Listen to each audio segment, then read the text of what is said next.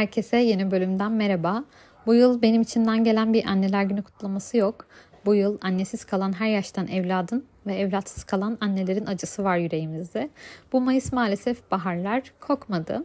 Bu Mayıs havalar içimizi ısıtmadı. Bu Mayıs erikler belki çiçek açtı ama meyve vermedi. Maalesef bu Mayıs diğer Mayıslar gibi olmadı. Büyük acımızın üzerinden 3 ay geçti ama açık yaralar kanamaya, acımaya devam ediyor. Bu bölümü annesine, evladına, özlediği bir yakınla sarılmak isteyip de kolları boş kalan herkese adıyorum. Dilerim kalbiniz genişlesin, ruhunuz ferahlasın. Sanırım hiçbir zaman aklımızın, duygularımızın bu kadar karıştığı başka bir dönemden geçmedik biz. Eskiden Mayıs ayının ikinci pazarını takvimden bulup işaretlerdik kardeşlerimle. Annemize hediye almak için gün sayardık. Hatta anneme çocukken çok sevdiğim için kendim patates kızartmasını Babamın sponsorluğunda fritöz almışlığım da var. Kapımıza kadar uzanan mahalle pazarından kendi harçlığımla ev terliği almışlığım da var. Bazen de sadece güzel bir çiçeği parfüm sıktırmadan buket yaptırmışlığım var. Çünkü annemin parfüme alerjisi vardı ve ona olan özenimi böyle gösterdiğimi düşünüp mutlu olurdum çiçeğimi verirdim, teşekkürümü alırdım. Yıllar sonra uzakta okurken, çalışırken daha özel, daha özenli, daha pahada fazla olan hediyeler almaya başladım. Günler öncesinden kargomu yapıp teslim almasını beklerdim annemin. işte beni aramasını beklerdim. Annem de hediyeyi alır almaz hemen açardı. Fotoğrafını çekip bana atardı sonra arardı. Ne gerek vardı diyen mahcup ama mutlu sesiyle teşekkür ederdi. Bu yıl uzakta değilim. Kargo yapmadım. Bu yıl annemin yanındayım. Bu yıl ona sarılacağım sadece. Anneler günü kutlu olsun. İyi ki benim annemsin diyeceğim ve aldığı her nefese şükredeceğim. Sonra oğluma sarılıp kendi anneliğimi güneşin altında bir kahve içerek kutlayacağım. Anneliğimi kutsayacağım. Çünkü biz hala 6 Şubat'tayız. E, hediyeleşmek şu anda çok içimizden gelen bir şey değil. Çok da iyileşemedik. Bu süreçte eşimin doğum gününü ve evlilik yıl dönümümüzü biraz sessizce sadece şükürle kutladık. Çünkü biz Hatay'dayız ama tam merkez ilçe Antakya'da değiliz. Yani acının hem içindeyiz hem de dışındayız. Bizim de maddi manevi kaybımız var ama o büyük tabloya bakınca nasıl oluyorsa şanslı tarafta kalıyoruz. Düşünün ki e, tablonun vehametini. Aklımda genellikle bugünlerde şu iki dize var. Ya dışındasındır çemberin ya da içinde yer alacaksın. Şair çok güzel söylemiş. Ben bu çemberin içinde yer alacağım. Bu arada kutlamalara ve hediyelere karşı biri katı bir asla değilim. Sadece bu yıl biraz hüzünlüyüz diyelim. E, çok sevdiğim bir arkadaşımla karşılaştım geçenlerde AVM'de. O da bir depremzede ve annesine hediye bakıyordu. Şey dedi çok hoşuma gitti. Anneme hediye bakıyorum çünkü ona hediye verince ben mutlu olacağım. Aslında işin özü birazcık da bu. Özel günleri protesto edip tabii ki hediye hiç almayacak olanlar, bu günleri kutlamayacak olanlar da vardır ama e, anneniz hayattaysa belki hediyeleşmek, sembolik de olsa hediyeleşmek ve bugünü kutlamak belki iki tarafı da mutlu edecektir etrafınızda taze bir anne varsa işte ablanız, kız kardeşiniz, kuzeniniz, arkadaşınız ve ona anneler günü için bir hediye almayı düşünüyorsanız da e, onların en çok ihtiyacı olan şeyi ben size söyleyeceğim. Bununla ilgili bir sokak röportajı izledim geçenlerde. Ee, sanırım bir çocuk parkında çekiliyor ve gelip geçene böyle mikrofon uzatılıyor. Anneler gününde ne hediye istersiniz diye ve kadınların çoğu şey diyor. Tüm gün uyumak. Sanırım onlara verebileceğiniz hediye onlara zaman yaratmak ve alan tanımak olabilir.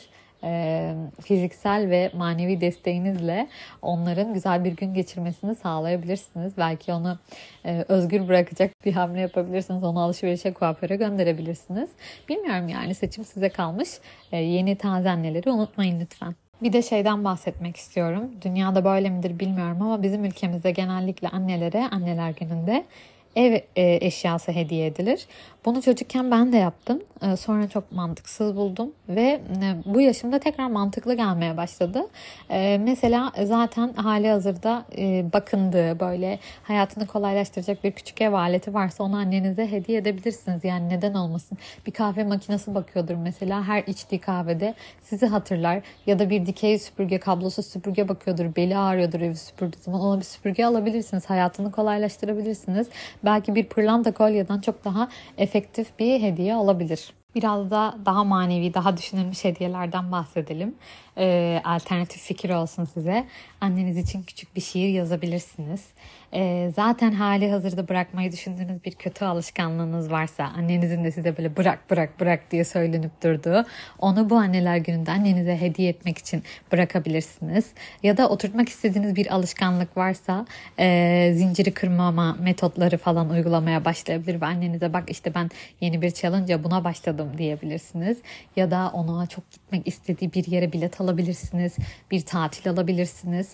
E, ya da onun adına çok güvendiğiniz kuruluşlara bağışta bulunabilirsiniz. Kısacası benim hediye anlayışım biraz böyle. Hediyeler ya efektif olmalı ya saklanmaya değer böyle hatıralık şeyler olmalı ya da fotoğrafik hafızamızda aklımıza geldiği zaman bizi mutlu edecek kareleri içeren anlardan oluşmalı.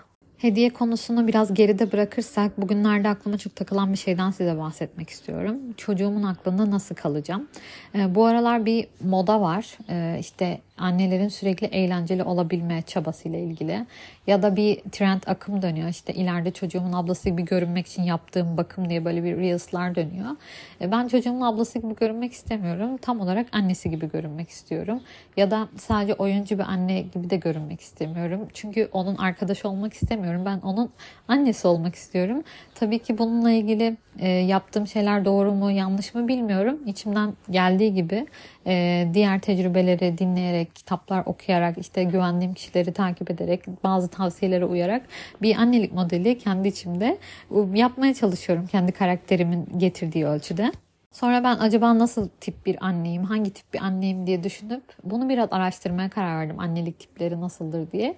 E, bilimsel olarak 8 çeşit annelik tipi varmış ama ben onu biraz sıkıcı buldum. Karşıma e, bir şey çıktı. Böyle kategorize edilmiş eğlenceli bir annelik tipleri çıktı. E, yazar Damla Selim Tomru'nun. E, kendisi bunu bir dergide yayınlamış. E, izninizle ben şimdi kısa kısa o annelik modellerine değineceğim. Kendinizi bu anne tiplerinden birine ya da birkaçına yakın hissedecek misiniz bakalım? Çok merak ediyorum. Ee, ben aralarından bazılarını seçtim. Öyle söyleyeyim size. İlki Masterchef anne. En iyi aşçıdır. Elinden her iş gelir. Mükemmel görünen sofralar kurar. Tabaklar bitmezse dünyası yıkılabilir. Çocukları dengeli ve sağlıklı beslenmeyi öğrenir. Bazen kilo kontrolü zorlaşabilir. Montessori anne. Montessori ekolüne göre oyuncaklar, mobilyalar, oyunlarla dolu bir hayat sunar çocuğuna. Çocuğu keşfetmesi için cesaretlendirir. Cesur ve yenilikleri seven çocuklar olur. Bazen diğer ekollerden gelen çocuklarla iletişim kurmakta zorlanılabilir. Devam ediyorum. Instagram anne. En yeni giysiler, oyuncaklar, trendleri sunan annedir. Çocuğun sınırsız güzel fotoğrafı olur. Bazen görselliğe odaklanılırken an kaçırılabilir. Spiritüel anne meditasyon yapar, ada çayı yakar, Favori kokusu Palo Santo'dur. Mantralar, mandalalarla olumlama cümleleri ve sonsuz, sınırsız olasılıklarla çocuklarını yetiştirir. Çocuklar açık görüşlü olur, olayları çok farklı açılardan ele alabilir, farkındalıkları yüksek olur, bazen dünyaya köklenmekte zorlanabilirler. Amigo anne Tüm rüyalarınız, hayalleriniz için sizi destekler. Başarılarınız ve hatalarınız da hep yanınızdadır. Özgüven öğrenilir bu anneden. Bazen aşırı güvenle kibir karıştırılabilir. Dinleyen anne Tüm endişeleri, dertleri dinler, hep olumlu yönden bakmak için destekler. Çocuklar olumlu bir bakış açısına sahip olurlar. Bazen başkalarının dertlerini çok fazla çözmeye çalışırlar. Batıl anne sürekli kara kedi görmenin şanssızlık olduğunu, pirinçleri bitirmezsen evde kalırsın gibi böyle batıl şeyleri çocuklarıyla paylaşırlar. Çocuklar mistisizme merak duyarlar. Batıl inançları yaşam kalitelerini biraz düşürebilir. Şifacı anneler şifalı bitkiler, baharatlar, otları bilir. Öğrendiği şifa tekniklerini düzenli olarak uygularlar. Çocuklar sağlıklı ve dengeli beslenmeyle büyür ruh, beden, zihin dengesini deneyimleyebilirler.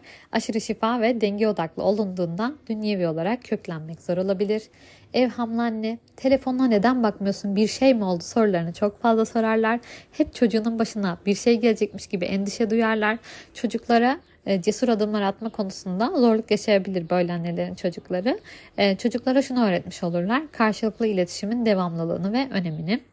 Titizlik takıntılı anne her zaman evin dağınık, kirli olmasından dolayı şikayetçidirler. Çocuklar eve dair tüm ev işlerini öğrenirler ve ilerleyen yıllarda zorluk çekmezler.